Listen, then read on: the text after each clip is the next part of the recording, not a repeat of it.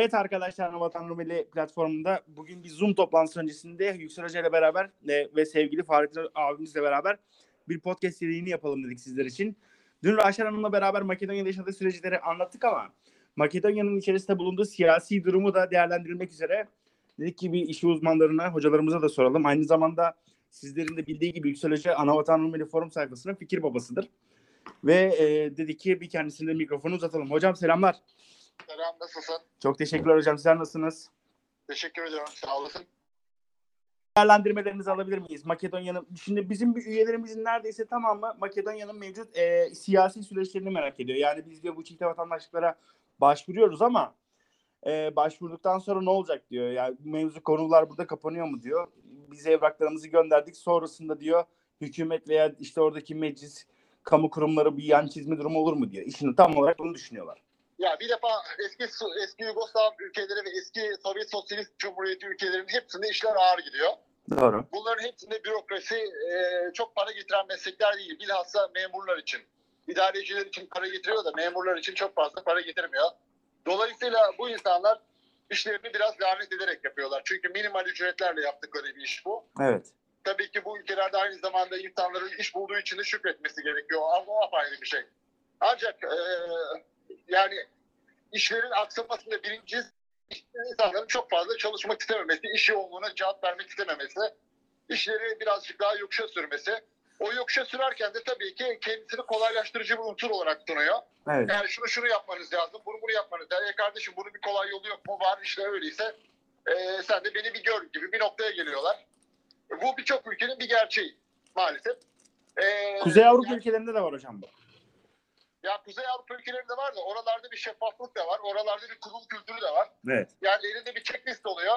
17 maddelik bir şey. 17 maddenin 17'sine de tik ata ata gidiyorsun. Evet. Ama burada Makedonya'da sürekli olarak bir şeyler çıkabiliyor. Apostil damgası diyor mesela. Apostil damgasından başka e, bir kurum e, ya da bir yöneticinin tamamen kendi inisiyatifine göre apayrı bir yerden de senden vergi isteyebiliyor. Hocam mesela ben ben dün Rahşan'dan şunu duydum. Mesela apostilin ödemesi işte örnek veririm e, 100 dinar. 100 dinarı nakit almıyor. Sadece bankadan yatıracağım deniliyor. Rahşan bankaya gidiyor ödemeyi yapmaya. Sadece Makedon vatandaşı ödemeyi yapabilir diyor.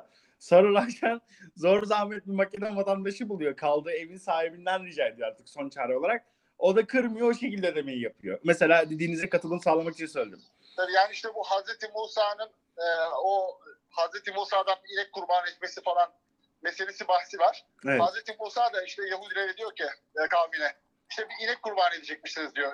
Öküz pardon. Hı hı. E, onlar da diyorlar nasıl olsun? Nasıl olsun? Rengi nasıl olsun? Tamam işte yani sarı olsun. Şusu nasıl olsun? Boynuzları nasıl olsun? Hatta Kur'an'da diyor neredeyse bulamayacaklardı diyor. Yani bu birazcık e, tabii giriş şeklinize göre de değişiyor.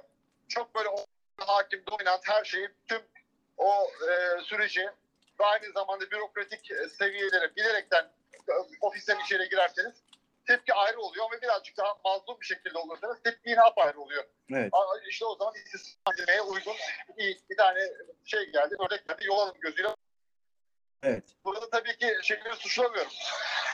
Hepten bütün Makedonları falan suçlamıyorum da maalesef memuriyetler böyle insanlarla dolu Balkanlarda. Evet. Doğru. Engelleyemiyorsunuz bunu çünkü e, üst taraf kazanıyor, ben niye kazanmayayım gözüyle bakıyor. Biraz bu. İkincisi siyasi sürece de gelecek olursak e, VMRO birkaç sandalye yerine kaybetti seçimleri. Bu da güzel bir şey oldu.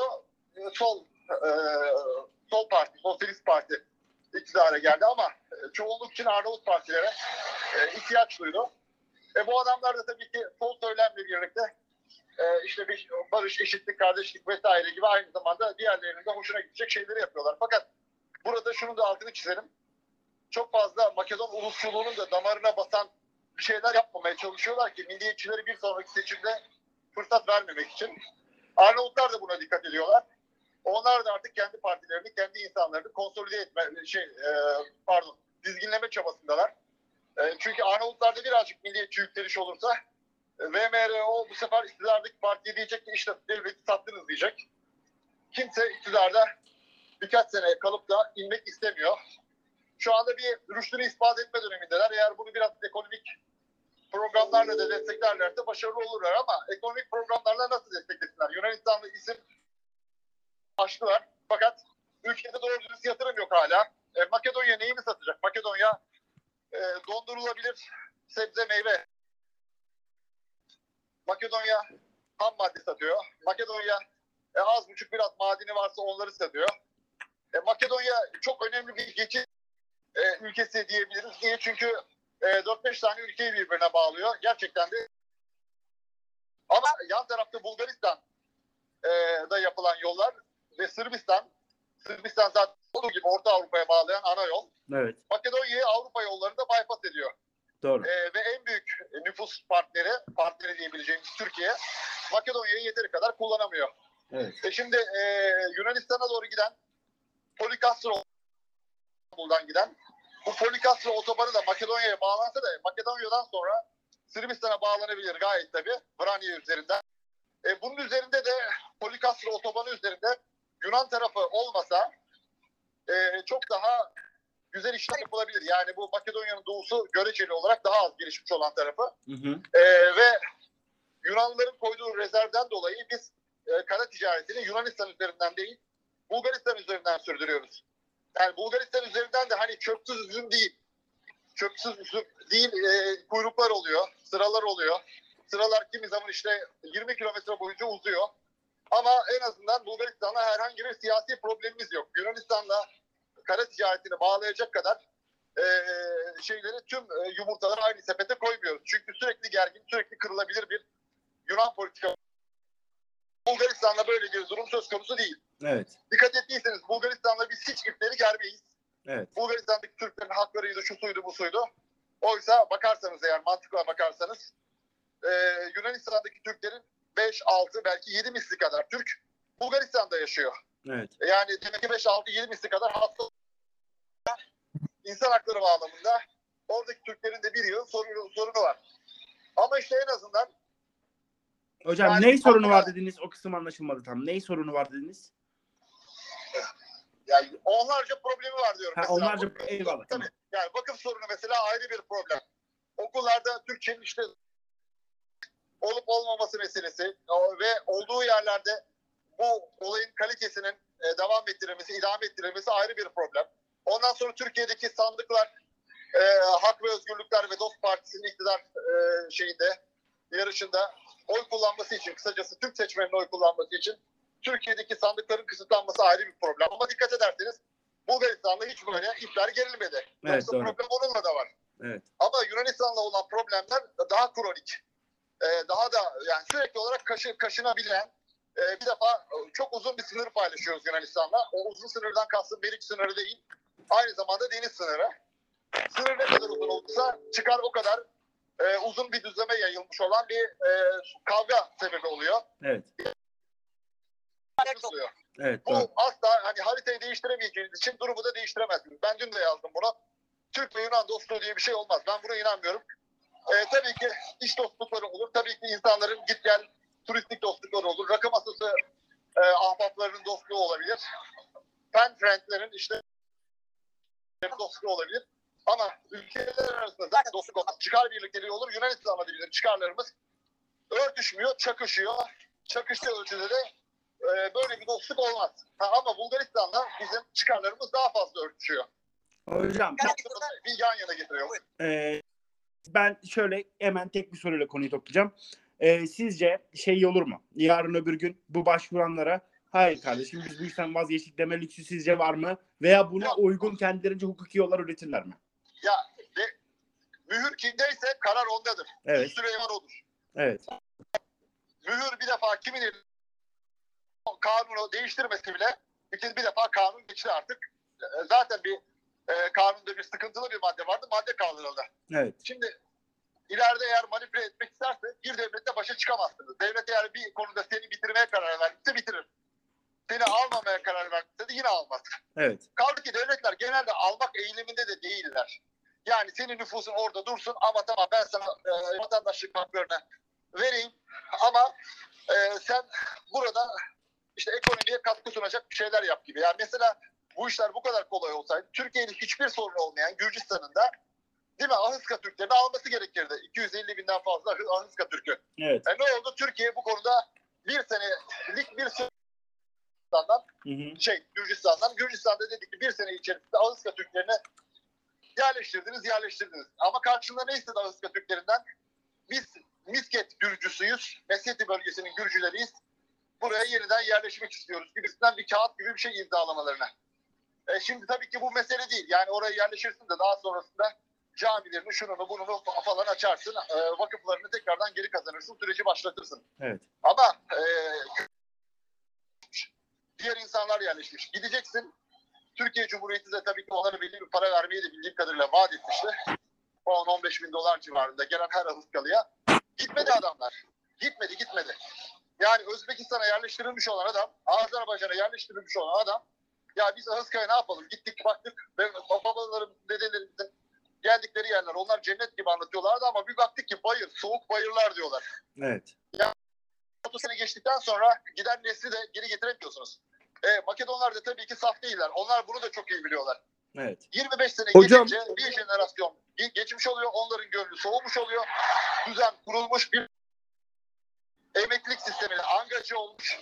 Ya emekliliğini bekliyor ya da çocuklarını okumak için o ülkenin vatandaşı haline gelmiş oluyor. Hiç kimse geri dönmez. Evet. Evet. Ee, toplam o 200-250 bin kişinin Makedonya Türk'ünün bir defa 100 bin kadarı Sancaklı Boşnaklar diyelim. Hı hı. Hatta 100 binden fazla Sancaklı Boşnaklar Kosova'dan şuradan buradan gelip yerleşenler. Evet. E, 100-150 bin civarı da Makedonya'nın e, bildiğim kadarıyla toplam 230 bin kişiydi göç edenler. Aha. 100-130 bin kişi de Makedonya'nın Türkleri. Bu Türklerin de artık kimisi öldü, kimisi kaldı. Kimisi ikinci, üçüncü nesildeler. Artık sadece geri dönebilecek olan her türlü şartı sağlayabilecek 25-50 bin civarı bir insan var. Evet. Yani her ne kadar Türkiye'de toplamda 800 yani matematiksel olarak hesapladığımızda ben aylar önce söylemiştim. Daha ilk bu kanun geçmeden önce. 200 bin civarı bir insan var demiştim. Ee, asgari 50 bin, azami 150 bin kişi buranın vatandaşlık hakkına sahip olur demiştim. Evet. Gerçekten şu anda rakam böyle. Ee, diğerleri vatandaşlığı alsalar bile, ya vatandaşlığı almaz, oturum alır. 5 sene, 7 sene oturduktan sonra biliyorsunuz e, torunları da artık vatan Evet hocam siz biz torunlar vatandaş olamayacak. Evet. Kendileriyle ikamet alıyor. İkamet alıyor. Yapıyor. Orada kendini bir okula kaydettiriyor. 5 ila 7 yıl içerisinde o vatandaşlığı alıyor. tamamdır. Hocam şöyle biliyorsunuz. Kafasına koyan alıyor kısacası. Bunun Evet. önünde değişen konjonktürler ne olur bilmiyoruz. Fakat Avrupa Birliği müktesebatına imza artık yani o fasılara girdikleri için e, Makedonya'nın bu yolda ilerlemesi üzere daha da AB normlarına uygun hale getirmesi gerekiyor. Daha da zorlaştırılmalı değil.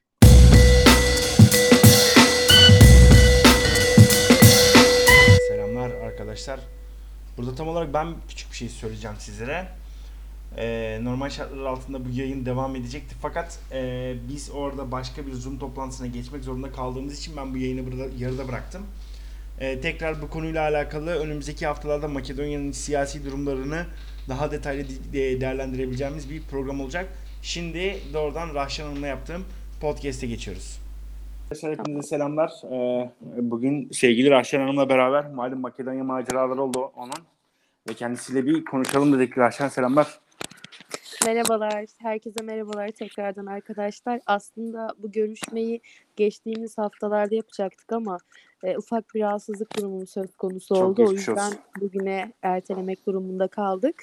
En güncel bilgilerle bu süreçte neler oldu sizlerle paylaşıyor olacağım. O zaman direkt sana e, mikrofonu vereyim. Buyur neler oldu? Ben o soruyu sorayım. Bir şey soruyu böyle sorayım.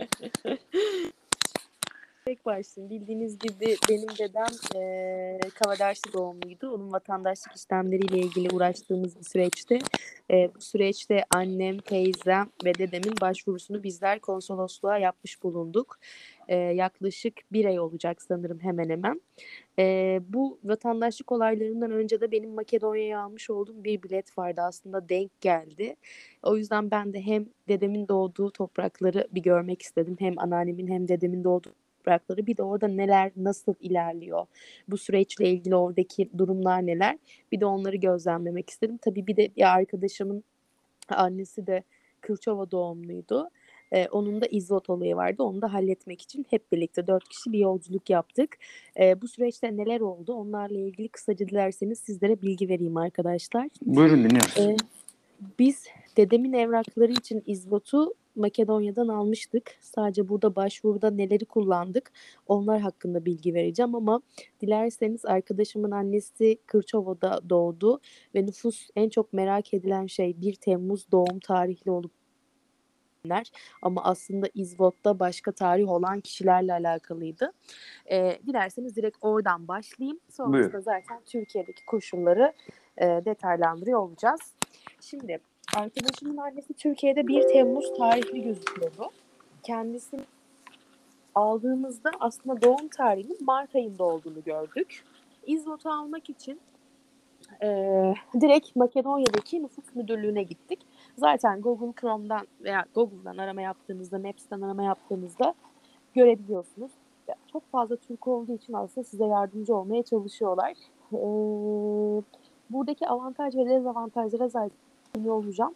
Ama öncesinde lütfen aracı kişilerle işlem yapmak yerine kendiniz oraya gittiğinizde kendiniz birazcık efor harcayıp yapmanız daha sağlıklı olacaktır. Bu süreçte işte ben size yardımcı olurum, şu kadar euroya götürürüm, bu kadar işlem yaparım diyen insanlar olacak. Ee, oranın şöyle söyleyeyim, ee, nasıl söylesem, askeri ücretinin fiyatında size teklifle gelen kişiler olacaktır. Arkadaşlar işlemlerin detaylarını, ücretlerini de zaten anlatıyor olacağım sizlere. Hani çok maliyetli bir süreç değil. Uçak biletinizi aldığınızda gidip yapabileceğiniz, her şeyi zaten yapabileceğiniz bir süreç. Biz direkt Üsküp'te kaldık. Çok güzel bir otelde, apartta kaldık.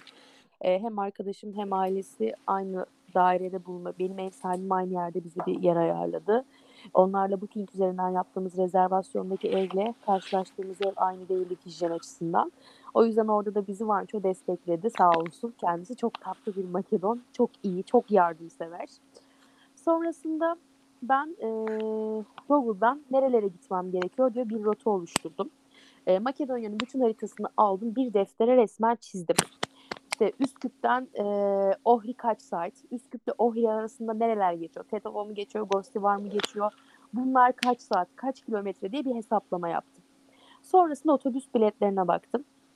Euro ile gidiyorsunuz ya da dinarla gidiyorsunuz. Makedon dinarıyla gidiyorsunuz. Benim gittiğim dönemde e, Makedon dinarını 6'ya bölersem Türk lirası 60'a bölersem de Euro'yu hesaplıyordum. Yani şu an Euro arttığı için Evet. hesaplamalar değişti arkadaşlar. Yani orada hani bu şekilde hesaplarsanız zarara girersiniz. Şimdiden söyleyeyim. E, kur artışlarından hesaplayıp bu oranı yaparsanız daha sağlıklı bir tatil geçirirsiniz.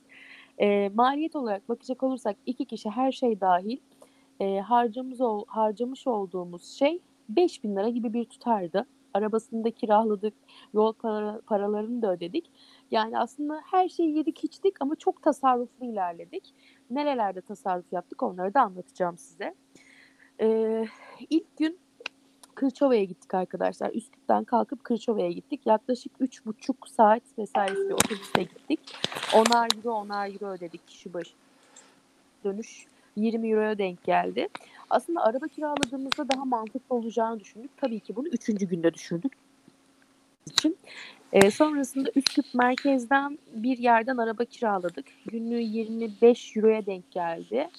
E, depozitosunu da verdik ama depozitoyu sonrası iade ettiler. Kiraladığımız yer Türk'tü. Çok yardımseverdi. Hatta Akın Bey e, bu süreçle ilgili de kendilerinin de akrabalarının başvurduğunu vesaire iletti.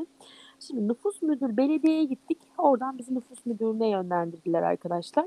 Şimdi nüfus müdürlüğüne gittiğinizde sizden kredi kartıyla işlem yapılmasını isteyebilirler. Çünkü orada kartla yapılan işlemlerde fiş vermek zorundalar. Nakit işlem yaptıklarında makbuz veremiyorlar. O yüzden de otomatik olarak kartla çalışıyorlar. Yani teknolojik gibi gelecek size ama teknoloji yok. Teknoloji aramayın lütfen. Ee, arşiv tek tek bakıyorlar. O yüzden doğum yılının net olması gerekiyor. Doğum yılını söyledikten sonra arşiv defteri çıkartıyorlar ve oradan bakıyorlar. Baktıktan sonra da sana izvotu veriyorlar. Bu izvotu aldıktan sonra 100 dinar ödüyorsunuz. 100 Makedon dinarı. Ee, bu da yaklaşık kaç euro yapıyor dersek işte 160'a böldüğünüzde çıkacak. Ee, bunu nakit öder 100 dinar şeklinde veriyorlar. Ama bunu kartla özür dilerim. Bunu kartla ödediğinizde 100 dinar olarak veriyorlar. Belki 150 dinardır bilmiyorum. Resmi sitesinde 100 dinar yazıyor. Bizim kartımız olmadığı için biz 250 dinar verdik. 4 Niye? tane aldığımız için de. Çünkü pardon. kartımız yok. Kartımız olmadığı için de orada da hani rüşvete mi giriyor konu dedik ama öyle değil. Çünkü onları bankaya yatırdıklarında 45 dinarlık bir kesinti yapıyorlar yatıran kişiden. Hani aslında kesinti maliyeti ve uğraşma maliyeti gibi düşünebilirsiniz. O yüzden kredi kartınız varsa kredi kartıyla işlem Ya, ya aslında Yoksa Visa, da- Visa Mastercard uyumlu bir kredi kartı muhakkak yanınızda. Aynen yani ya bizim yanımızda vardı komisyon alır kart banka vesaire dedik o yüzden nakitimiz de vardı nakit vermek istedik. Yani tercihe bağlı Anladım. hani böyle 30 euro 40 euro gibi bir tutarlar yok onu söyleyeyim sizlere. Hı hı. E, çünkü orada bankalarda para yatırdığınızda 45 dinarlık bir ücret alıyorlar. E, o yüzden hani 100-145 yapar. E, 25 dinar da belki gerçekten alması gerekiyordur bilmiyorum. Öyle düşünün. E, İzbot'u aldıktan sonra çok özür dilerim. Boğazım hala acıyor. E, İzbot'u aldıktan sonra Sulh diye bir yere gidiyorsunuz. Aslında Sulh bizim burada hani adliye e, gibi onlarda da adliye ama sulh diyorlar. Bilmiyorum. Kodlayabilir misin? Ee, kodlayabilir misin? Tamam yani mesela. yazılışını bilmiyorum ama sült gibi bir şeydi Ha, sült, Sült okey. dediler. Yani Aha. diyorlar. Ama bildiğiniz adliye gibi. Ee, Üsküp'teki yer çok büyük. Daha kırsal olan yerlerdeki yerlerde böyle apartman dairesi gibi düşünebilirsiniz. E, zaten belli oluyor. Sult yazısını gördüğünüzde anlayabilirsiniz. Şimdi konu apostile geliyor. Devlet daireleri 8 gibi başlıyorlar. Saat 4'te mesaileri bitiyor ama saat 2.30-3'ten sonra işlem yaptırmak zorlaşıyor. Siesta. Yüzden- İspanyollar gibi siesta yapıyorlar değil mi? Evet, o yüzden sabah erken gitmeniz gerekiyor arkadaşlar. Ee, apostili burada mesela Türkiye'de İstanbul'da X bir ilçeden alıyorsunuz. Farklı bir ilçede apostil yaptırabiliyorsunuz ama orada nereden aldıysanız orada yaptırıyorsunuz. Riske girmeyin. Biz e, gittiğimizde izvotumuzu aldık. Sult'a gittiğimizde saat işte kapanmaya 15 dakika 20 dakika kaldığı için işlemi yaptıramadık ve ertesi gün tekrar gelmek durumunda kaldık. Ertesi gün tekrar geldiğimizde e, bankaya para yatıramadığımız için bir günümüz gitti. Oo. Sonrasında tekrar gelmek durumunda kaldık ve 3 gün biz Kırşova'ya geldik. Yani düşünün ona göre planlamanızı yapın ki her şey hazırlıklı olun. Ee, İzmit'u sabah saatlerinde nereye gidecekseniz lütfen saat arabamı kiralayacaksınız, otobüste mi gideceksiniz, onun saatlerine bakıp planlamanızı yaparsanız saatten de tutunuz. Ee, apostil yaptırabilmek için size bir form dolduruyorlar arkadaşlar. 350 dinar yazıyor yatırmanız gereken tutar. 45 TL'de banka para aldığını düşünürsek ona göre bir hesaplama yapmanız gerekiyor. Sini bankaya yapıyorsunuz. Dekont veriyorlar size. Ama asıl kritik nokta şu. Bankada hesabınız da olması gerekiyor. Bizim bankada hesabımız olmadığı için biz işlem yapamadık. Nasıl ki Türkiye'ciler bankaya gittiklerinde işlem yaptırabiliyorlar ya. Ama biz orada işlem yaptıramadık. Hani farklı bir arkadaşımın hesabından eee, havale yapıp e, elektronik dekontla göndersek olur mu dedik. En fazla bunu yapabiliriz dedik. En son tamam olur dediler ama onu da yapamadık. Hesaba gönderemedik açıklama kısmında problem Peki orada Halkbank var. E, Devlet yani oranın hangi Evet bankasında oraya da yaşa- gittik. Ee? Halkbank'a da gittik. Ee, Halkbank'ta burada hesabınız olmadığı için dedi ki Halkbank'ta hesabımız var Türkiye'de. Ama Evet. Makedonya'da hesabınız olmadığı için işlem yapamıyoruz dedi. Yani eee tra- bankada para yatırabilecek kişinin Makedonya'da ID kart dediğimiz aslında ID Kimlik kart kartı. diyorlar. Kimlik kartı. Ee, biz kendi kimlik kartımızı ama olmuyor. ID kart istiyorum diyor. Orada tıkandık kaldık. Ee, o yüzden de bir günümüz zaten öyle gitti. En son ev sahibimiz Vanço dedi ki ben geleceğim ben halledeceğim. Dedi ki Vanço gel bizi kurtar. Yapsan yapsan sen yaparsın dedik. Biz Vanço ile tekrar Kırçova'ya gittik.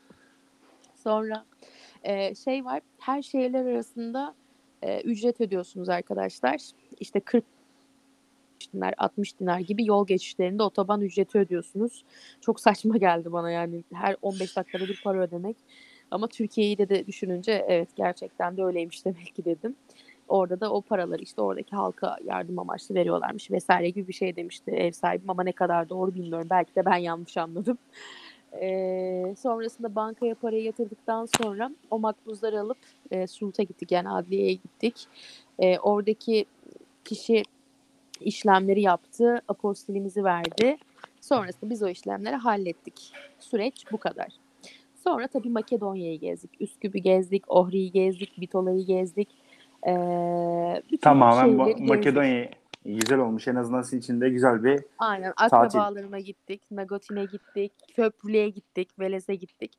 Ee, fırsatım olsaydı bana vermiş olsalardı bütün arkadaşlar size Kırçova'dan bir izvot alacaktım.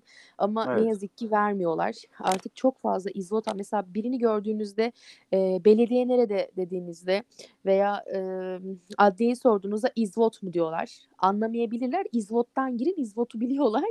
O yüzden direkt yardımcı olurlar. Ee, ama Anladım. tabii burada yine şeyler var. Bizim O zaman Kır, Kırçova dahil aslında başkasının izvotunu almak istediğinizde bayağı zorluk çıkartıyorlar. Doğru mu? zorluk çıkartabiliyorlar. Biraz memurun inisiyatifine kalmış diyebilirim. Yani e, sonuçta bugün Türkiye'de de nüfus dairesine gittiğinizde farklı birinin kaydını isterken tabii ki vermiyorlarsa orada da vermeyebilirler. Evet hani vekalet vesaireyle ya da e, görüntülü konuşmayla vesaire alabileceğiniz bir şey. Sonuçta resmi bir evrak. O yüzden daha sağlıklı olur diyebilirim. Anladım. E, İzvot Anladım. alırken isim denklik belgesini gösteriyorsunuz arkadaşlar. Türk zaten orada doğum tarihine vesaire bakıyor. E, onu aldıktan sonra zaten işlemleri yapıyor. Ben Peki şeyi soracağım. Forum sayfasında çok fazla sorulduğu için soruyorum. Ee, anne baba vefat etmiş. Ee, çocuk gidiyor izvot almaya. Fakat anne baba Türkiye'de evlenmiş. Öyle bir şey hiç e, denk geldin mi? Ya da duydun mu Şöyle oralarda? söyleyeyim. Benim arkadaşımın annesi orada doğmuş. 6 ay olmuş. 6 ay sonra buraya gelmiş. Bebekken. E, sonuçta orada doğmuş. Oradan aldı ama isim denkliği mesela babasının üzerinden aldığı isim denklikle geldi. Çünkü orada gözüküyordu. Hı hı. E, sonuçta oraya gittiğinizde isim denklik belgesiyle gittiğinizde e, bir tane vukuatlı nüfus kayıt örneği çıkartıp Türkiye'den çeviri yaptırmanıza gerek yok zaten orada gözüküyor. Gösterdiğinizde yardımcı olacak diyorum ben.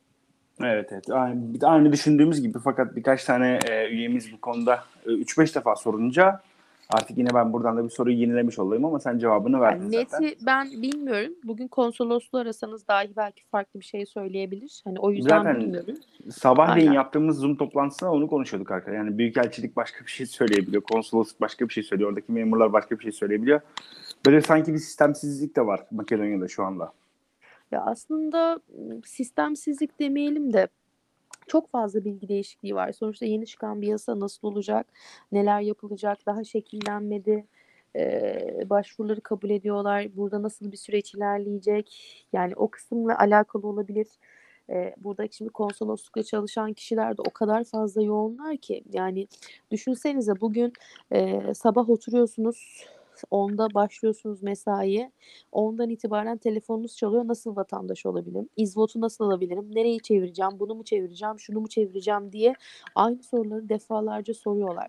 Ve bir noktadan sonra artık insanlar hani ya hani abi işte yap evraklarını hazırla getir noktasına gelebiliyor.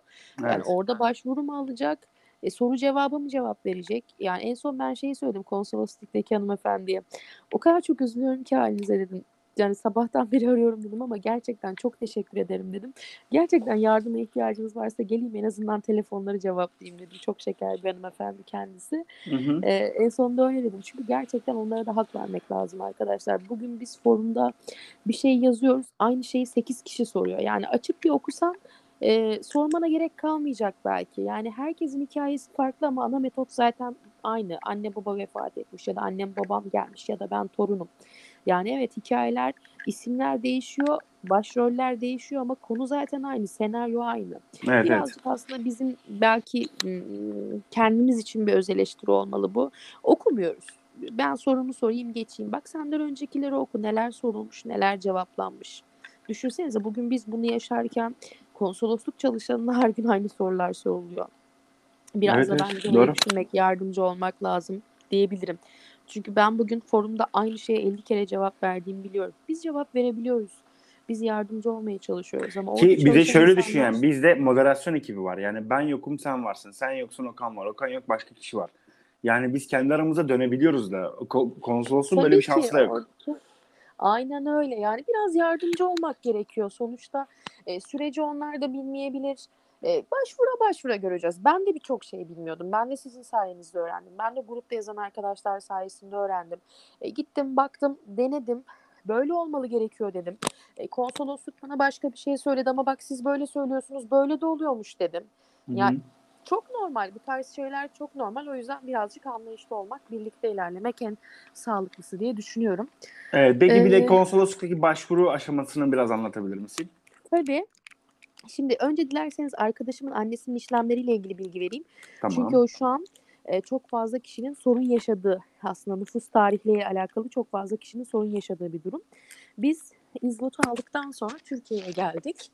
E, Türkiye'ye geldiğimizde de annesi direkt nüfus müdürlüğüne gitti.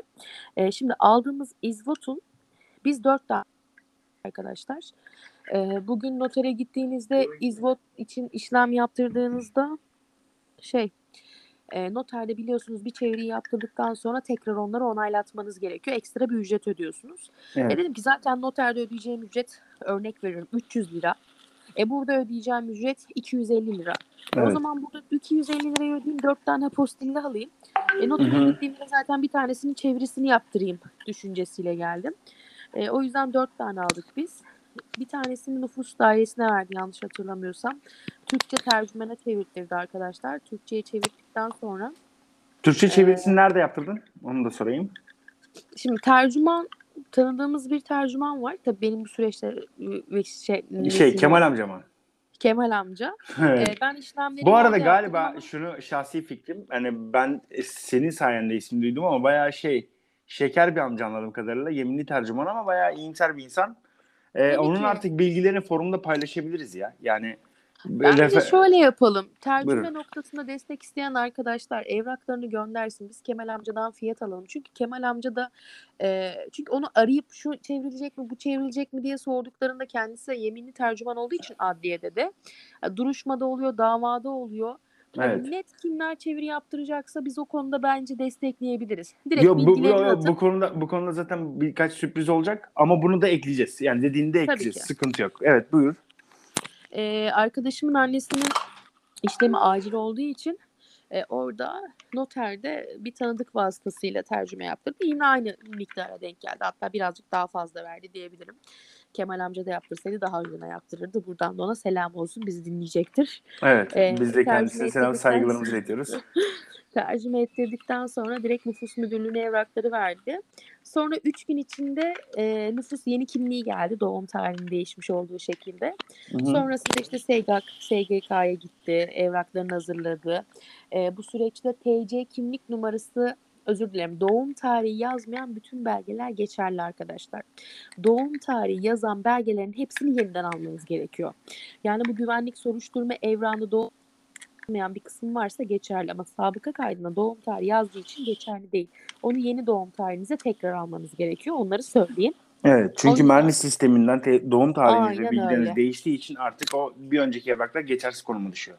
Aynen öyle. O yüzden e, lütfen doğum tarihinde hata olanlar varsa izvotu aldırmadan önce risk yani şöyle olabilir. Ben Makedonya'ya gideceğim. Zaten oradan başvuracağım diyorsan bütün evraklarını hazırla. Ama doğum tarihin farklı çıkarsa izvotta tekrardan o evrakları yeniden çıkartman gerekiyor. Evet. 50 şansın var diyebiliriz. Şimdi e, birkaç evrağını bekliyor. Onlar da geldikten sonra başvuru sürecine geçecekler.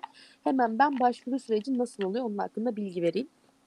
Şimdi e, tercüme kısmını zaten söylemiştik.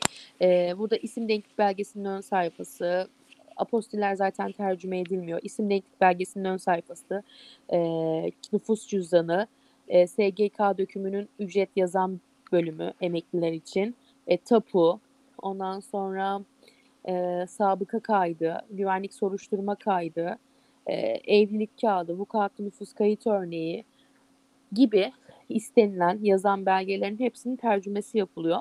Tercüme iki tane tercüme yaptırdık arkadaşlar. Tercümenin iki sayfa yani. Tercümenin arka tarafına da tercümeyi yaptırdığımız evran fotokopisini çektik. Yani noter onayladığında tek sayfayı onayladı. Bir tanesi notere, bir tanesi bize geldi. E, tercümenin arkasında evran aslı oldu, fotokopisi oldu gibi düşünün. Hani bunu tercümeyi boş yaptırıp arkasını boş bırakırsanız ekstra maliyet olur. Size hiç gerek yok. Onu da o şekilde değerlendirebilirsiniz. tabii fotokopi çekerken dikkat etmek gerekiyor. Çünkü ben aynı evrağın üzerine arkalı önlüğü çekmeyi öğrenebilmek için defalarca çekmiştim. O yüzden boş bir kağıda böyle nokta yapıp çektim. O şekilde size iki tane hata yaptıktan sonra. Sonrasında bütün her şeyi hazırladıktan sonra konsolosluktan randevu aldık. Başvuru yapacağız. Ee, üç kişiyiz diye. Tabii başvuruyu yapmadan önce kişi sayısını belirtmeniz gerekiyor. Çünkü ona göre zaman ayırıyorlar. Ee, annem, dedem ve teyzem konsolosluğa gittiler. İşte bir form doldurdular. Form doldurduktan sonra işte zaten parayı yatırdılar öncesinde dosyalar doğru mu diye. Ee, doğru. Hepsi tamam. Sonrasında bankaya 35 euro gibi bir para yatırdılar. Dekontunu verdiler. Form doldurdular. İşte Makedonya'daki adres, iletişim bilgilerini verdiler. Formu doldur ne yaptılar? Herhangi bir dosya numarası vesaire vermediler. Evrakları gönderdikten sonra bilgi vereceğiz dediler. İşte geçtiğimiz hafta içi konsolosluğu aradım ben.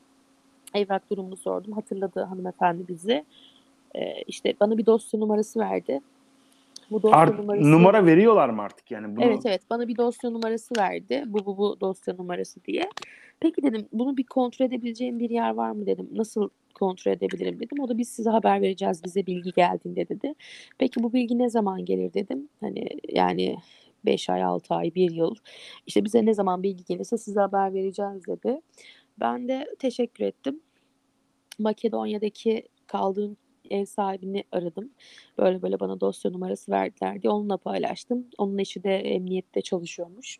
E, o da işte bir 5 ay 6 aylık bir süreç sonrasında bakabiliriz tamamen demiş. Hı hı. Yani süreç uzuyor çünkü buradan alıyorlar evra. E, daha önce de söylemiştim sanırım. Buradan alıyorlar Ankara'ya, Ankara'da Makedonya'ya gönderiyor. İç işlerine, evra bakıyor. Diyor ki izvotu var. Evet nüfus kayıt nüfus müdürlüğüne gönderiyor. Nüfus müdürlüğü bakıyor evet doğru burada doğmuş diyor. İç işlerine gönderiyor. İçişleri komisyonu bunları inceliyor. Evraklara bakıyor. Tamam diyor. Tekrar Ankara'ya gönderiyor. Oradan konsolosluğa geliyor vesaire gibi süreç uzuyor diyebilirim size. Ee, benim bu seyahatte gözlemlediğim şey şu arkadaşlar. Ciddi oranda vatandaşlık için gelen e, bu süreci araştıran kişiler var. E, Makedonya halkı da Türklere zaten sıcak bakıyor diyebilirim size. Hı hı. Ama duyduğum bazı duyumlar var. Ee, çok fazla vatandaşlık başvurusu olduğu için, çok fazla kişi başvuracağı için çok fazla kişiyi de almayacakları yönünde. Yine buradan bir eleme yapılacağını vesaire söylüyorlar. Tabii ne Peki kadar doğru eli- eli- bilmiyoruz. eliminasyonu neye göre yapacağına dair kriterler hiçbir yerde gördün mü? Makedonya'da. Yok ama orada yaşayan Türklerin söylediğine göre işte e, bir kere gelen adam mal varlığında geri istemeyecek. Yani benim burada hakkım var, benim burada şuyum var, buyum var derse olmaz zaten diyor. Ya tabii bunlar varsayımlar arkadaşlar bilemeyiz. Yani neden böyle bir şey isteniyor. Kimisi işte e, başvuru yapın para kazansınlar diye bakanlar var. Kimisi evet gerçekten vatandaşlık verecekler. Çünkü burada e, parlament seçimde e, kendilerine destek istiyorlar. Çünkü diğer kişilerden destek alamıyorlar. Diğer etnik kökenlerden destek alamıyorlar. Türkler Makedonlarla iyi anlaşacağı için belki de daha iyi olacak. Seçmen sayısı vesaire gibi düşünüyorlar. Elemasyon elemasyonda işte e, eğitim durumu, okul, işte mal, mülk gibi durumlara bakılacak diyorlar. Tabii bunlar söylenilen şeyler ne kadar doğru ne kadar yanlış bilmiyoruz. Yani bugün biz de başvuruda kabul edilemeyebiliriz, edilebiliriz. Yani bugün e, aslında bu adam elenir denen bir adam da vatandaşlık alabilir ama dersin ki bu adamın malı var, mülkü var. Nasıl vatandaşlık alamadı diye de sorabilirsin. Yani tamamen bilmiyoruz. Tamamen şans oradaki komisyona kalmış bir durum. Tabii neden kabul edilmediğine zaten açıklıyor. Neden zaten açıklıyor şu sebepten dolayı, bu sebepten dolayı. Orada da tabii yine adli bir süreçte hakkınızı arayabilirsiniz diyebilirim. Evet. Bence çok güzel bir ülke. Gerçekten güzel bir ülke. Ben çok beğendim. Annemin işte anneannemin köyüne gittim, dedemin köyüne gittim. Tam olarak giremedim dedemin evinin olduğu yere ama yani e, gerçekten güzel. İnsanları çok tatlı. E, yani böyle çok geldiğimde çok üzüldüm. Bak gerçekten yani o kadar yurt dışına gittim. Yani İtalya'ya gittim, Çek Prag'a gittim ama yani böyle Makedonya böyle kan mı çekiyor bilmiyorum ama e, çok hoşuma gitti bilmiyorum. Yani dedim ki ya çok tatlı, çok ya özledim ya gerçekten özledim. Şimdi diyorum ki hafta sonu bilet alıp gitsem mi diyorum yani öyle düşünün. Yo yo şöyle bizim büyüklerimiz, e, dedelerimiz, babalarımız oradan göçtüğü için ve oranın kültürünü evlerimizin içinde bize yansıttığı için biz oraya gittiğimizde aslında o evlerdeki duygularımızı hissettiğimizden hiç kopasımız gelmiyor bir dakikadan sonra. Evet Ben gerçekten de- çok aynı biz ya. Aynı biz. Gerçekten aynı biz. Böyle değişik yani güzel. Yo, yo, ben mesela yani Bursa'da e, bir Rumeli mahallesinde yaşıyorum. Rumelilerin en çok bulunduğu mahallede yaşıyorum. Ama Kosova'ya gittiğimde oranın samimiyeti veya Makedonya'ya gittiğimde annemin bulunduğu mahalleye, anneannemin bulunduğu mahalleye pardon, e, oranın samimiyetini hala bulamıyorum bir yerde ve ben bile Yani Kosova'ya gittim şimdi Ali Bey. Yani Kosova yani hiç de öyle değil. Haydi bre diye bağır oraya diye bağıran bir polis vardı. Var var. Or, or. İşte o da ayrı bir samimiyet ama. Kosova yo, ama şimdi Makedonya biraz daha gelişmiş bir ülke. Eski mesela şu çok kısa bir tarihsel bilgi vereyim. Dünyadaki ilk çamaşır makinesinin üretildiği yer Makedonya'dır. Kesin Alo. onda bir Türk yapmıştır falan. o, o kadarını bilmiyorum ama Makedonya eskiden çok böyle Almanya'nın bile gıpta ülke, ettiği ülkelerden bir tanesiydi. Yani öyle söyleyeyim size. Ama bahsettiğim tarihler çok çok eski tarihler. Tabii canım. Maalesef artık Balkanlarda şu anda çok bir durum yok da. İnşallah zamanla geliştirirler kendilerini. Ama şey var yani şey dikkatimi çekti. Mesela vatandaşlar mesela şimdi ileriki dönemlerde benim Almanya seyahatim olacak. Mesela Sinovac aşısını Almanya kabul etmiyor biliyorsunuz. Bu arada Evet, doğru. Makedonya aşıları kabul ediyor. Biz PCR falan yaptırdık arkadaşlar. Onları da anlatırım size. Ee, Kosova bir kere aşıya bakıyor. İşte aşım var mı yok mu? PCR testim var mı yok mu diye bakıyor. Bakmayanlar da var, bakanlar da var. Hani bakmaz derseniz bence yaptırmayın dersem birisi bakar yaptırmayın demiş olurum. Bak kız hani bak yani denk geliyor istiyor ben size öyle söyleyeyim. E, kimisi bakıyor kimisi bakmıyor. Sınırlardan geçerken arabalardan indiriyorlar. E, to- otobüs hareket ediyorsanız yani böyle düşünsenize Kosova sınırında iniyorsunuz tek tek kaşeyi vuruyor. E, 100 metre sonra Makedonya sınırına geliyorsunuz tekrar arabadan iniyorsunuz tekrar kaşe vuruyor. Neden geldin diye soranlar da oluyor. E, testi isteyenler de oluyor. Benim aşımın üzerinden 14 gün geçmemişti. Biontech aşımın üzerinden. O yüzden ben şu Sabiha Gökçen'de de PCR yaptırdım. Makedonya'da da PCR yaptırdım. Makedonya'da yaptırdım. Antijen yaptırdım özür dilerim Makedonya'da. 15 euroya yaptırdım. Nikola Hastanesi Üsküp'te. Ee, 15 dakika içinde sonucum geldi zaten. Sonra Kosova'ya gittim. Tabii sınırdan geçerken sordular antijenleri gösterdik negatif diye. Sonrasında o şekilde geçtik. E, uçaklara zaten geçerken istiyorlar testiniz var mı aşınız var mı diye soruyorlar. Evet. Yani bence direkt gidecekseniz Üsküp'te inmeniz daha mantıklı. Biz Kosova'dan gittik. Ucuz bilet bulduk. Ama zaten oradaki aradaki parayla alacağımız bilete yakın oldu diyebilirim size. Çok eziyet çektik. E, havalimanında 8 saat bekledik.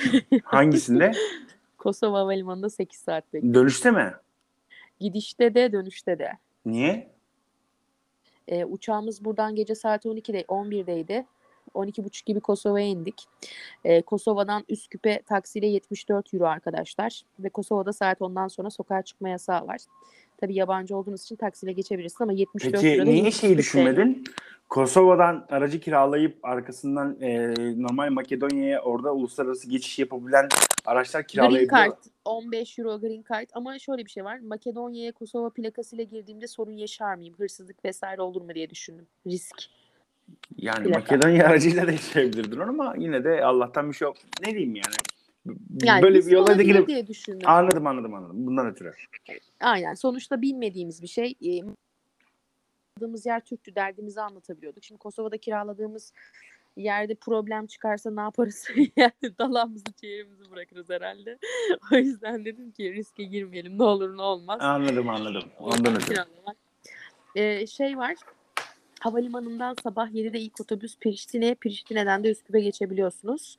Ee, akşam da havalimanına dönüş en son otobüs akşam saat 8'de e, Priştine'den şeye geçebiliyorsunuz. Üsküp havalimanına geçebiliyorsunuz şey hmm, Kosova'ya.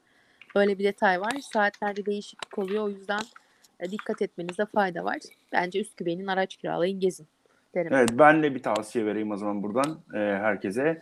E, internet üzerinde bir tane e, bir tane değil bayağı bir taksi rental firmaları var. E, ben genelde Bosna Hersek'e gittiğimde veya Kuzey Avrupa'ya gittiğimde bunu kullanıyorum. Havalimanında şu saatte ineceğim. Özel araç gibi oluyor ama emin olun e, sallarım gece Blue 4'te va- Taxi vardı Kosova'da. Blue Taxi değildi bizimkisi. İşte internet sitesinin adını bul. Ben yine yayınlarım forumda. Sıkıntı yok da. Ee, şeyi mesela ben şu saatte burada olacağım diyor. Kilometreyi hesaplıyor. Ondan sonra farz misal e, arada bir aracı gibi düşünün bu internet sitesine. 50 euro diyelim. Arkasından 50 euro, şu kilometreyi hesaplıyor. Kilometredeki şu tutar bu kadardır diyor. Arkasından ortalama fiyat 50 eurodur diyor. O bölgedeki taksicilere bildirim gönderiyor. Taksiciler de size fiyat teklif ediyor. En ucuz fiyat teklifi veren de gidebiliyordunuz. O zaman hiç unutmuyorum. İspanya'ya gittiğimde e, şeydi. Bilbao'da e, ben bu sistemi kullandığımda normal taksi parasından daha ucuza gelmişti ve şey olmuştu. Efendime söyleyeyim gece 4'tü ve çok rahattım yani direkt eve gidip Airbnb'den tuttuğum eve geçebilmiştim. Bosna Hersek'te de kullan işte bazen geç kafam çalışıyor. bazen böyle bilgiler kafama çok geç geliyor. Olsun ama tecrübe ettik. Bak tecrübe etmeseydik ne olacak arkadaşlar? Kosova Havalimanı'nda Wi-Fi var. Ücretsiz. Evet. Oturuyorsunuz. Ahmet Yaşar, şey. Adem, Adem Yaşar Havalimanı'nda. Bir de nacizane bir tavsiye veriyorum. Benim bizzat başıma geldi. Nasıl ki bizde Atatürk nasıl değerli bir önderse Kosova'da Adem Evet. Yaşar'ıdır. Şimdi Adem bir gün benim kredi kartımdan bir işlem yapıldı Kosova'da. Çok cüzi bir rakamdı. Yapan kişi adı soyadı Adem Yaşar'ıydı gözüken. Tabii orada hırsız öyle bir kodlama yapmış ki e, kredi kartına hırsız yaparken kimlik bilgilerine Adem Yaşar giriyor. Biz de karakola gittik. Adem Yaşar denilen bir hırsız bizim şeyimizi çaldı dedik. Şimdi bizim karakolda Kemal Atatürk çaldı. Yani böyle bir cümle kurulduğunu varsayın. Ve Yani. oradaki polis şey demişti. Sen nasıl konuşuyorsun falan. Hani e, bu noktada bilmediğiniz, tanımadığınız yerlerde e, efendim mesela kredi kartınızı çok kullanmamaya özen göstermenizi tavsiye ederim Balkan ülkelerinde genel olarak. Biz kredi kartı kullanmadık. Nakit kullandık arkadaşlar. Ee, bankalarda komisyonsuz çeviriyor. Zaten standart. Örnek veriyorum 100 euroyu 6120 dinara çeviriyorlar. Öyle düşüneyim. Yalnız şöyle bir şey var. Şimdi otogara ım, Üsküp Havalimanı'ndan inip otogara geldiğinizde otogarda sizi işte bu Üsküp Bus Station'da sizi böyle Türkler çevirecek. Türk olduğunuzu anlayacaklar. Ben seni götürürüm gel 10 euroya, gel 20 euroya, gel 50 euroya.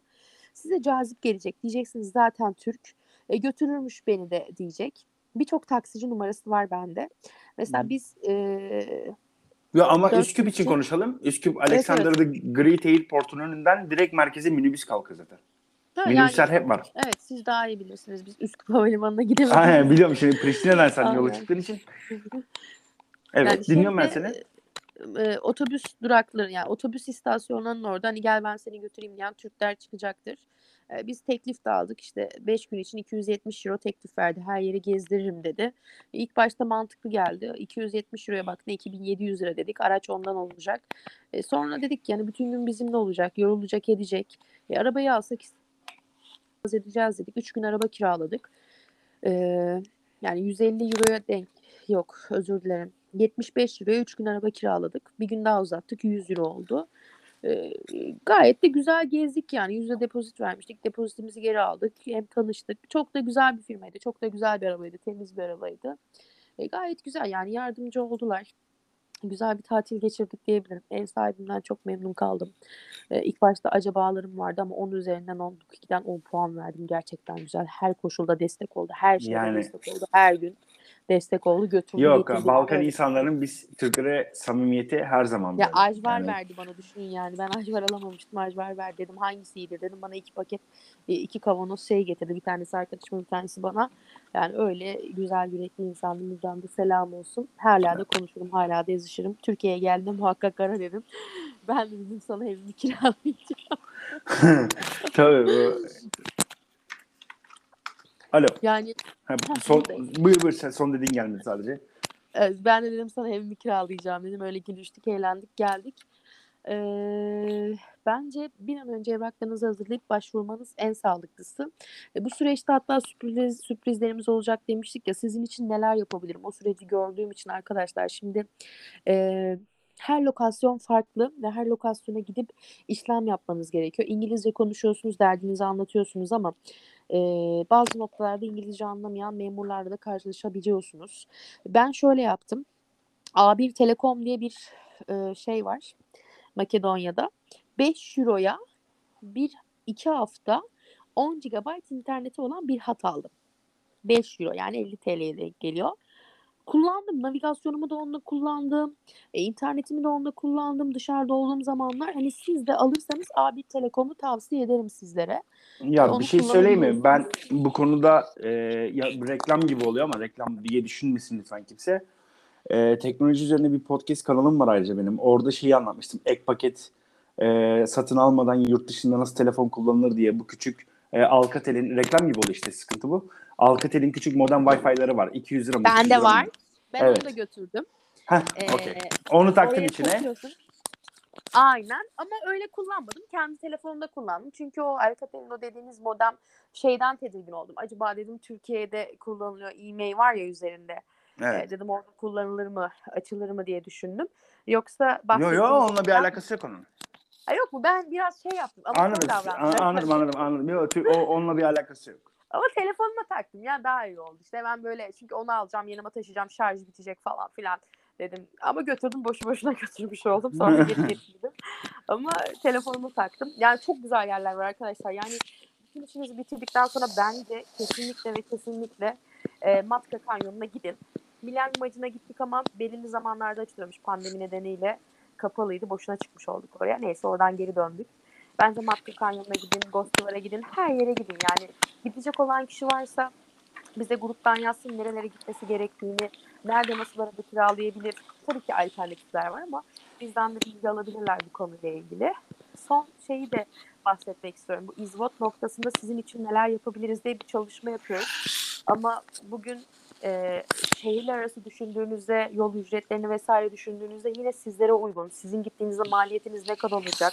Ama gitmeseniz nasıl olacak diye bir çalışma yapmaya çalışıyoruz. E, olursa herkes için faydalı olur. E, olmazsa da zaten mecbur sizin gidip almanız gereken bir dünya olacak diyebilirim. Hmm, ben de o zaman senin sürprizine destek vereyim. Normalde daha yazmadık. Bugün Zoom'da biraz anlattım onu da. Ee, oradaki benle hukuk şirketleriyle, hukuk müşavirleriyle biraz dirsek teması halindeyim. Hı hı. Yüksel Hoca da sağ olsun destek veriyor. Onlardan toplu bir fiyat teklifi almaya çalışıyoruz. Yani bu işi efendime söyleyeyim, e, farzı misal biz ana vatandaşı olarak yaklaşık 100 kişi başvuracak. Hı. Ee, bu 100 kişi için siz bana toplu fiyat teklifi verdiğinizde kişi başı maliyet ne kadar diye e, bildiğiniz bir ürün bir şirkete ürün satın alması yapar gibi fiyat teklifi toplamaya çalışıyoruz. Bakalım birkaç tane ilgilenen oldu ve fiyat veren de oldu ama daha ortada kesin bir şey yok. Allah'ın izniyle kesinleşince hem izvot aşamasında hem de diğer resmi aşamalarda yardımcı olabilecek birileriyle uzlaşmaya çalışıyoruz ama daha şu an için kesinlik yok. Tabii süper olur. Bir de şöyle düşünün. Çünkü oraya yani sizin adınıza başka bir şehirden başka bir şehre gidiyor. İki buçuk, üç saat yol düşüyor. Üç buçuk saat sonra geri dönüş yapıyor. Orada zaman geçiriyor. Yani bir gününü ayırıyor bir kişi. Hı hı. Yani maliyeti de düşünmek lazım. Sonuçta hani para tamam okey ama zaman en önemli şey. Zamanı geri alamazsın. Ee, bir gün gidiyor sonuçta gibi düşünüldüğünde hani sizler için Ali Bey'in de dediği gibi güzel şeyler olmazsa da artık siz oraya gidip güzel fotoğraflarınızı bizlere gönderirsiniz. Aynen öyle. Çok teşekkür ederim Ayşen. Güzel bir sohbet oldu seninle. Ben teşekkür ederim. Çok geç kalınmış bir sohbet oldu ama E, umarım en Olsun can azından sağlığı diyelim. Bey şu anda Makedonya'da işlerini hallediyor. O, O yarın yarın geliyor. Şöyle Evet, yanlış anlama kafamdaki şu. Şimdi bugün en çok mesela Zoom toplantısında konuşulan konulardan bir tanesi e, Makedonya'nın mevcut siyasi durumunda bu durumları iptal eder mi, nasıl değişiklikler yapar diye. Yarın Yüksel Hoca ile onun podcastini yapacağım. Sonra Can'a da bir teklif edeceğim. Sonra bu üç podcast'i e, bir, birkaç arkadaşımıza daha davet gönderdim. Hepsini toplayıp tek bir kere de yayına vereceğim.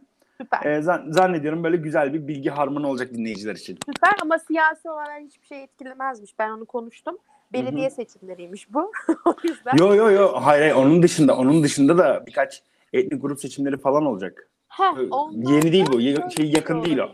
Yüksel Hoca daha iyi cevabını verir ama orada o etnik seçimlerde e, işte Türkleri o yüzden istiyorlar.